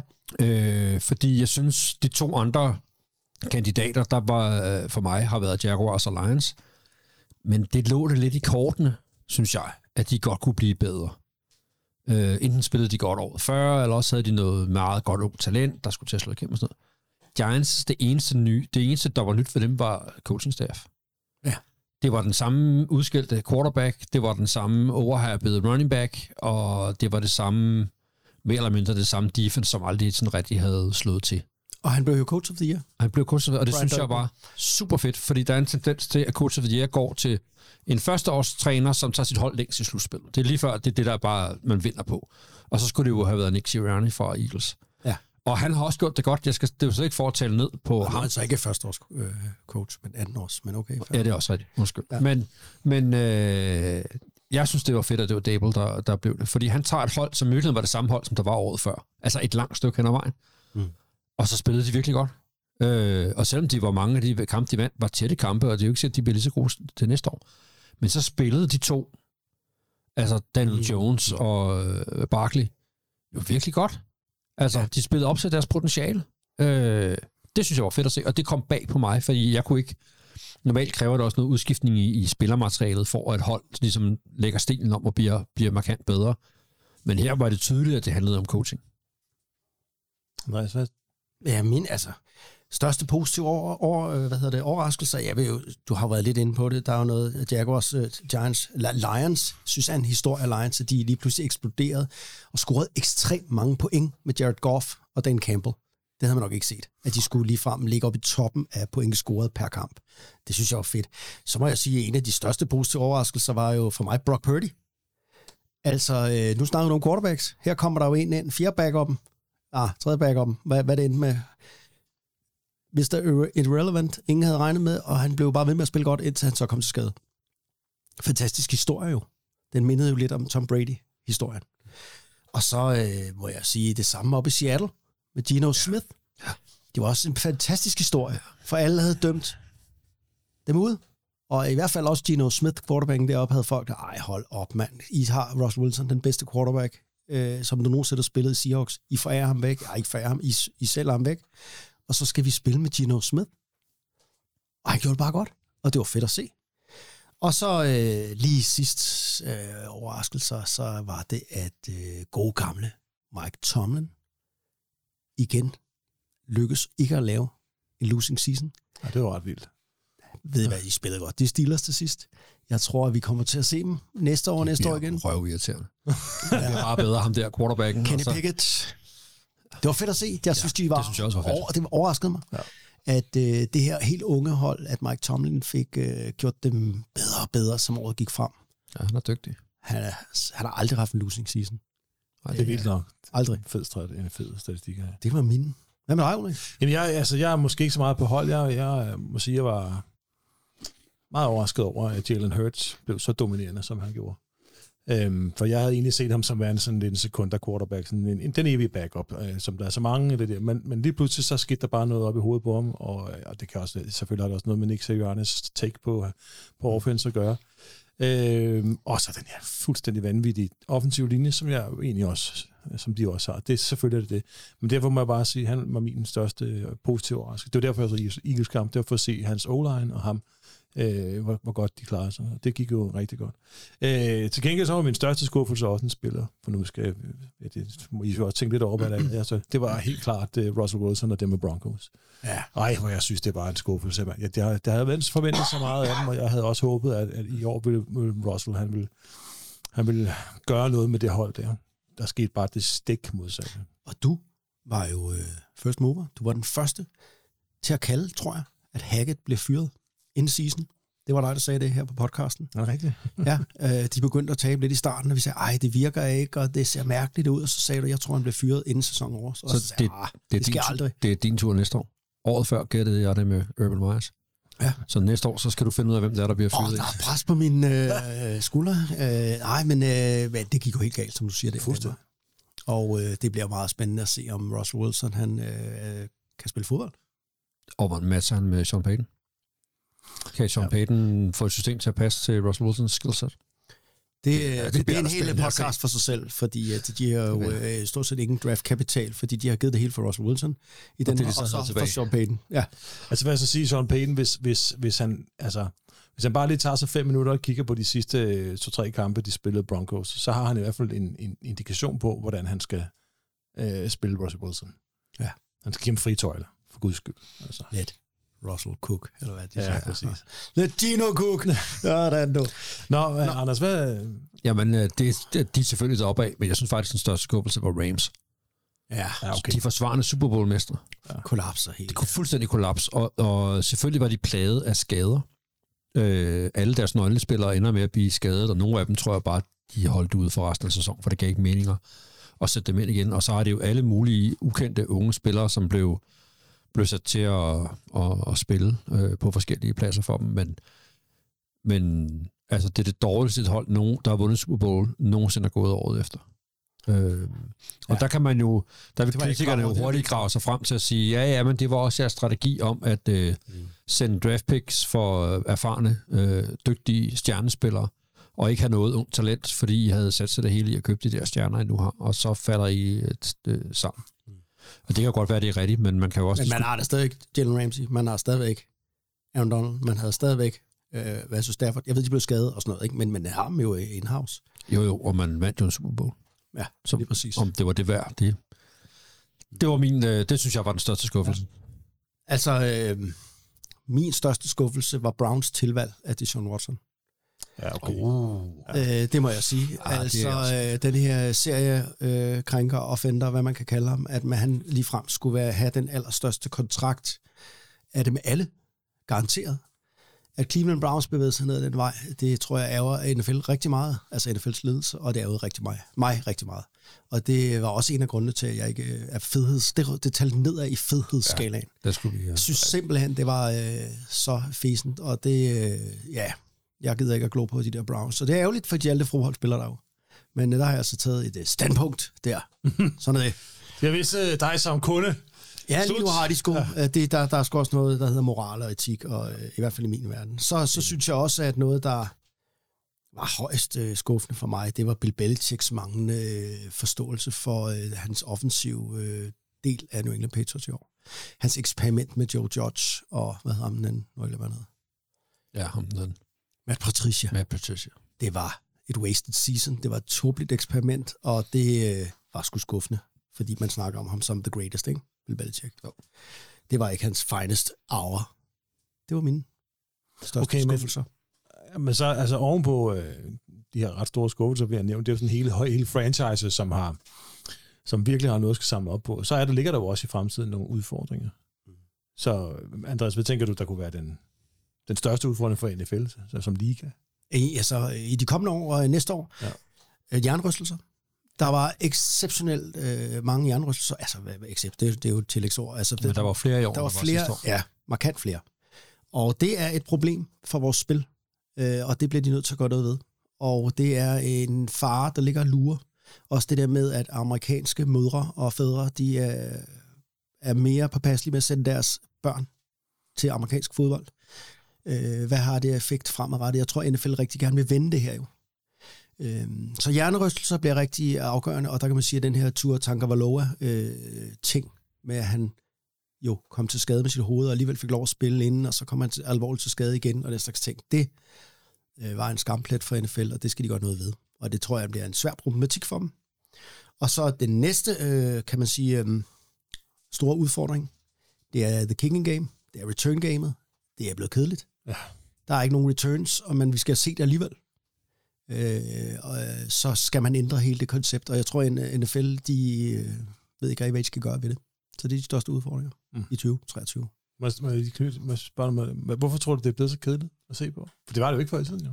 Jamen, det er jo, fordi de har lavet de her regelændringer, som gør, at, øh, at man faktisk har... Fi, altså, de fleste spark går jo i endzonen, Ja. Og det er jo med vilje. og det er med vilje. For at undgå, at nogen returnerer dem. Fordi så er der ikke nogen, der løber ind i hinanden med høj fart. Ja. Og så er der færre jernrystelser. Yes. Så derfor så ser man jo kun øh, returns, kan man sige, når kiggeren laver et dårligt spark, eller at det er dårligt, altså modvind, eller hvis det altså værlider til det, ellers sparker de den jo endzonen. Ja. Og det gør det til et kedeligt spil. Øhm, så der har vi et problem. Det er i hvert fald en ting. Altså, og under det kan man jo tage onside-kigget, ikke? som jo er sådan noget, et eller andet sted mellem 2 og 5 procent af dem, der lykkes. Mm. Altså hvis man skal have et element, hvor man kan generobre en possession i et forsøg på at komme bag, så bliver man jo nødt til at have noget, der har en større sandsynlighed for at lykkes, end de der 2, 3, 4 procent, eller hvad der den ligger nede på. Det, altså, det, er jo helt, mm. det er jo helt usandsynligt, at man lykkes med det. Så, så hvis det skal, reelt skal være spændende, så bliver man nødt til at finde en anden løsning på, på det er det også. og Det hænger jo sammen med det øvrige kicking game. Øh, også ikke, der har været sådan nogle fjollede idéer, men man sagde jo, hvad hvis man sagde, at man fik en fjerde og 20 og skulle convert den, så fik man bolden. Altså, jeg siger ikke, det er løsningen, men man, jeg tror, man bliver nødt til at tænke lidt ud af boksen på de der ting. Det, der er problemet, det er, at the kicking game, return gamet, er sådan en essentiel del af sporten. Det er spændende. Det er der, de mest spektakulære hændelser kan ske. Det må man gerne bevare jo. Hvis, altså, øh, samtidig med, at man skal minimere de her øh, head injuries. Jeg synes, det er så ærgerligt, hvis man får fjernet muligheden for at lave et fedt kick-off return eller et punt return. For det er så spændende. Det er noget af det, der er de fedeste highlights. Det er et uh, sandt dilemma. Og også øh, onside-kicket er også øh, noget, der skal... Ja, det, det, det skal vi fjerne det helt, eller hvad skal vi, ikke? Som du nævner, ikke? Øh, det vil også være ærgerligt. Men øh, noget skal gøres. Ja. Uden at man ødelægger fodbold, som vi kender det. Øhm, nu er der er ikke så meget tid tilbage. Jeg skal bare lige prøve, der skal også musik ind og sådan noget. Ikke? Ja. Så, så, så derfor så springer jeg lige dig over. Anders. Øhm, Typisk. Ja. På den, forstået på den måde, at de næste spørgsmål får du. Øhm, okay, afslutningen på 2022-sæsonen har jo selvfølgelig været øh, øh, Super Bowl, det er der ingen tvivl om, og vi har også snakket om det lidt tidligere i dag, men, men, men var det i virkeligheden det rigtige hold, der vandt, Ja. Anders? Ja, det var det. Hvorfor det? De var bedst gennem hele året. De har den bedste spiller på den vigtigste plads. De var erfarne. De øh, havde styr på det i deres eget, altså i AFC, og når de så endelig nåede Super Bowl, så havde de en plan, der gjorde, at de kunne, de kunne vinde. Som vi talte om indledningsvis, så kunne den jo være gået begge veje. Det havde været fuldstændig lige så retfærdigt, hvis det var Eagles, der vandt, altså hvis man kan tale om retfærdighed i sport. Men for mig at se, var det, ja, det var det rigtige hold, der vandt. Og ved du, hvorfor det var det rigtige hold? Det var, fordi det var dem, der scorede flest point i den afgørende finale. Bum. Det er det, det gælder om. Jamen, altså, jeg ved godt, det lyder banalt, men øh, Ja, men det var også, var bedst, da det galt. øh, Det, det, jeg tror også, det handler lidt om det, Anders han sagde det her med over hele sæsonen. Altså i kampen, ja, der er vi enige. Altså, men, men over hele sæsonen har de haft en mere bredde, måske i virkeligheden. ja, det har været et godt hold hele året. Ja. Og det, ja, så ja, Og så har de NFL's bedste spiller som Ja. ja. deres quarterback. Ja, Ja, det har de. måske den mest erfarne head coach, så udover Bill Belichick. Ja, sådan. Øhm, og med det i mente, med to gode hold, som lige på for nuværende vist nok ikke ser ud til at blive decimeret sådan sønderligt i den kommende sæson. Men det kan man aldrig vide selvfølgelig, men altså. Øh, vil, vil, I prøve at give et forsigtigt bud på, hvem der går i Super Bowl det næste år? Det bliver et hold fra AFC og et fra... Nej, Stærkt. Ja, det er så godt, det der. Øh, Altså, jeg er klar. jamen så kom med det. Skal jeg Så minde kommer det lidt overraskende. Jeg kommer, Ikke? mener jeg noget andet, end det du siger. Jeg gider ikke at sige, at det bliver en rematch mellem Kansas City Chiefs og Philadelphia Eagles. Så det siger jeg ikke. Det tror jeg ikke, det gør. Det bliver Cincinnati Bengals med Joe Burrow mod Dallas Cowboys. Meget overraskende, men øh, det er mit bud. Det er et godt bud. Det er faktisk et godt bud. Jeg synes faktisk, det, det, det der er svært at se, er, hvem er det der NFC-hold, der skal blive virkelig godt at gå i. Altså nu var, nu var Eagles virkelig gode i år. Øh, det er rigtigt, men de har jo en del, altså de har en del kontrakter, der løber ud nu her. Der jo- altså, øh, folk vil altid have mange penge, når de har fået lov at spille Super Bowl, ikke? Så jeg tror ikke, øh, jeg tror heller ikke, at det er oplagt, det er, det er dem, der kommer i. Øh, et frisk bud kunne være Kæft, hvor du padler. Du padler og padler, og tiden er ved at løbe ud. Og, øh, kom så. Kom så, Anders. Jamen, så siger jeg uh, Bills 49ers. Mm. Også et godt bud. Det må man sige. Har du et bud, Røn? Jeg har overhovedet ikke noget bud. Nej. Det må jeg nok. Det, Bills for Niners, det lyder også. det er virkelig godt bud, ja. Det må Er det, er det, Det er i hvert fald en kamp, jeg godt kan se. Ja, ja. Det var vel det. Så er den ged vel barberet. Øh, bye bye NFL øh, 2022. Øh, så mangler vi jo sådan set bare at sige farvel til vores kære lyttere for den gang. Og øh, jeg tænker, at vi skal da øh, hylde Super med en lille afslappende melodi fra Kansas City øh, her til sidst. Kansas City er jo en af USA's helt store jazzbyer. Sammenlignet øh, ja, Chicago, New Orleans, og øh, så har du jo New York og så Kansas City. Lad os øh, hylde Super med øh, de smooth toner fra Lester Youngs horn. Keep swinging. Er det bra? Tag det lugnt. Tak for den gang. Næste gang er det sæson 3's sidste afsnit. Vi kigger tilbage på den sæson, der er gået, og prøver at finde nogle af alle de tåbelige ting, vi har sagt og gjort frem. Ja, man kan jo kalde det bloopers. Velkommen tilbage til DNFL, den nationale fodbold legestue. God fornøjelse.